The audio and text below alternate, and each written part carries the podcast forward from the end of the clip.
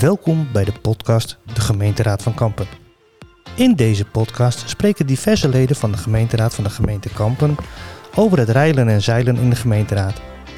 Waar zetten zij zich voor in? Waar maken ze zich zorgen om? En wat betekenen de keuzes die zij als partij maken? Dit alles hoort u in de podcast De Gemeenteraad van Kampen. Ja, luisteraars, en daar zijn we weer met alweer een nieuwe aflevering van de Gemeenteraad van Kampen, de podcast. En tegenover mij zit het zonnetje van de gemeenteraad, Kira Selles. Welkom.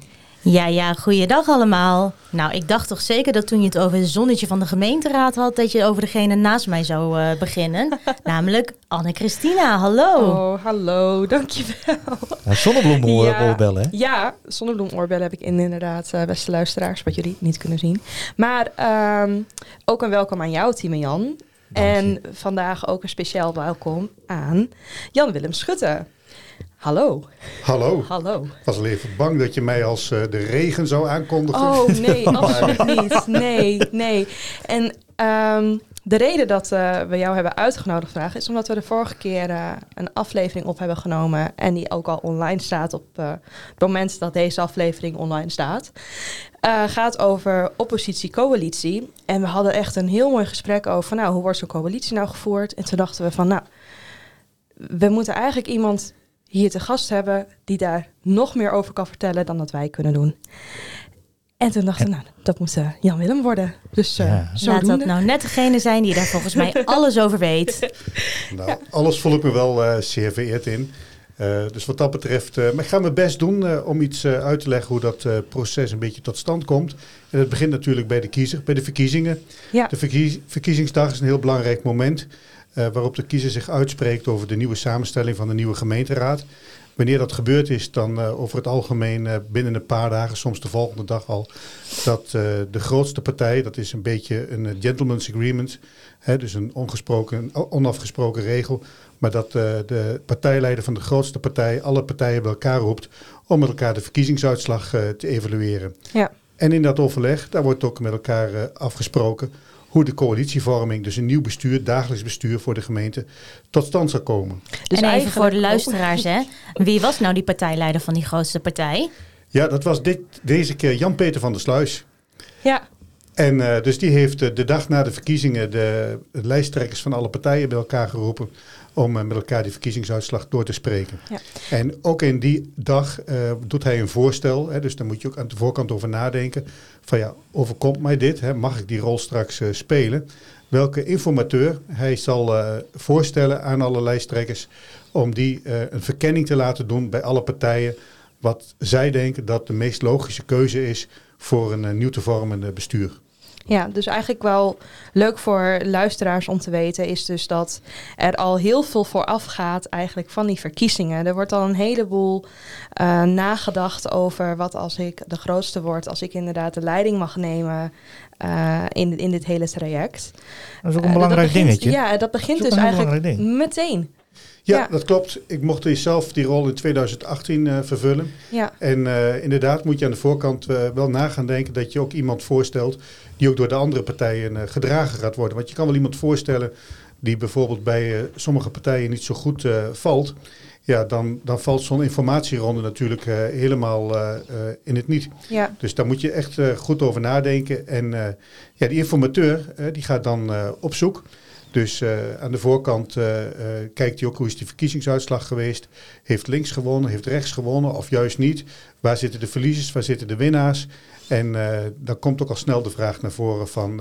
ja, wat zijn voor jou belangrijke punten die je in de komende vier jaar wilt realiseren? En dat vragenlijstje dat wordt met alle partijleiders, vaak met iemand die in de toekomstige fractie zit, uh, doorgenomen. Ja, en wordt er daarin dan ook al rekening gehouden met uh, de vorige coalitie? Dat je denkt van, nou weet je, die partij heeft zich zo geprofileerd als bestuurderspartij. We um, houden zeker een extra oogje in het cel. Of we het ook nu met hun weer kunnen vinden op die manier. Of is dat elke keer weer een schone lei waar je in begint en opnieuw een nulmeting van, nou, we gaan nu weer met alle partijen op dezelfde manier om de tafel?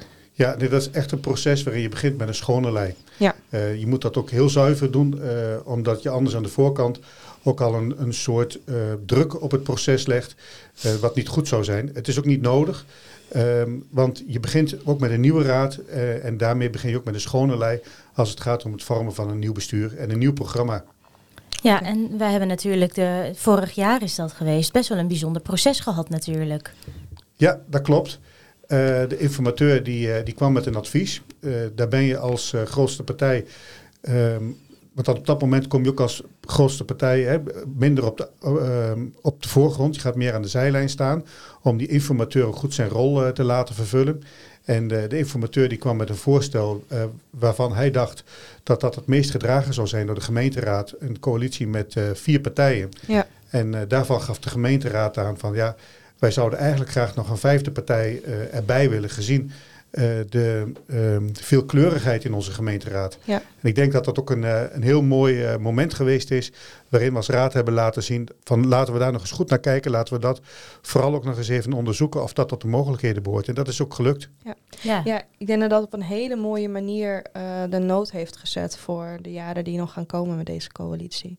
Ja, mee daar eens. Nou ja, Maar ook, ook dat, dat echt iedere partij ook zijn, zijn, zijn stukje inbreng heeft kunnen, kunnen geven in deze, in deze coalitie. Dat ook, ook iedereen daar echt wel, wel in gehoord is. Ja, dat is alweer een stap verder inderdaad met het maken Ja, van de coalitie. ja. eh, Nou, wat ik wel heel bijzonder vind, we hebben natuurlijk eh, een aantal afleveringen geleden eh, een aflevering opgenomen over diversiteit. En Ja. als je kijkt naar wat er nu eigenlijk gedaan is in dat informatieproces, is er toch nog eens een keer opnieuw gekeken naar de diversiteit van partijen. En Ja. er is wel gehoor aan gegeven. Dat vind ik toch wel heel bijzonder. Ja, en ook heel mooi natuurlijk. Hè? Ja, absoluut. Ja, want eh, je, mag, je mag in een democratie eh, werken. En dat betekent ook dat je eh, met iedereen met respect en eh, eh, respect ook voor zijn eh, achtergrond, ook voor zijn mening, kijkt hoe je met elkaar het beste voor deze stad kunt eh, betekenen. Ja, Zeker. en nou wil ik onszelf niet te veel op de borst kloppen, maar ik vind dat we dat in Kampen eigenlijk wel heel erg goed doen. Zeker, ja, absoluut. Sowieso vind ik het dat het eh, eigenlijk heel veel, heel breed gedragen wordt. Ja, klopt. Ja. Ehm, ja, je hoort over het algemeen, ook binnen de raad, zeg maar, dat ehm, ehm, of je nu oppositie of coalitie bent, als je kijkt ook hoe de besluiten genomen worden, Ja? dat eh, coalitiefracties ook niet alleen kijken van naar partijen binnen de coalitie, maar toch gekeken wordt naar standpunten en eh, Ja. inbreng van buiten de coalitie. Ja, Zeker. Ja, zeker. Absoluut. En wat ik heel mooi vind om te zien, en dat klinkt misschien heel raar als je in de politiek zit, maar is dat je in Kampen echt ziet dat ieder raadslid eh, het beste voor heeft vanuit een eigen standpunt eh, misschien wel, maar wel het Maar- beste voor heeft met de inwoners van Kampen. Ja, maar, d- maar en dat, dat, straalt ieder raadslid ehm, apart uit en dat maakt ook dat we als gemeenteraad gewoon dingen heel breed kunnen dragen. Ja, maar dat is ik. toch, dat, dat denk ik toch. Dat, dat- volgens mij maakt het niet uit of je nu in een gemeenteraad zit, of je in de Staten zit, of je in de Tweede Kamer wilt, zit. Je wilt het beste voor. Klopt. Ja, maar er je- zit je niet één niet in. altijd Nee, uit, nou, dat ben ik met je eens. Maar straal ik het niet altijd uit? Nee, sorry. Het wordt niet altijd Oh, oh, oh. uitgestraald. En ik vind dat we dat in Kampen wel doen. Ja, dat zeker. Nee, maar, dat- maar, dat- maar nogmaals, volgens mij zit er niet één in de gemeenteraad die denkt, nou, laat ik eens een besluit nemen wat slecht voor de gemeente Kampen is. Nee. Ja, iedereen beredeneert natuurlijk vanuit zijn eigen Ja, standpunt. overtuiging. Nee, dat ben ik nee, met maar je en eens. die overtuiging is, is dat je natuurlijk voor hetgene wat jij eh achter staat, of, of de, de partijkleur die jij draagt, die, Ja. wil het- die heeft het beste voor vanuit jouw eigen Visie. belevingswereld. Ja. Maar we gaan nu wel een beetje afleiden van. ja. Wij is hebben, wij hebben niet voor niks eh, Jan Willem hier zitten nee. natuurlijk. Ehm, ik, ik vond het eigenlijk wel heel erg mooi hoe je gewoon aan het vertellen was. Dus vertel maar verder. Ehm, Sorry. Want we zitten nu eh, even snel terug. We hebben de vergadering gehad waarin de raad heeft aangegeven... we willen eigenlijk een coalitie die breder wordt gedragen. En, en toen?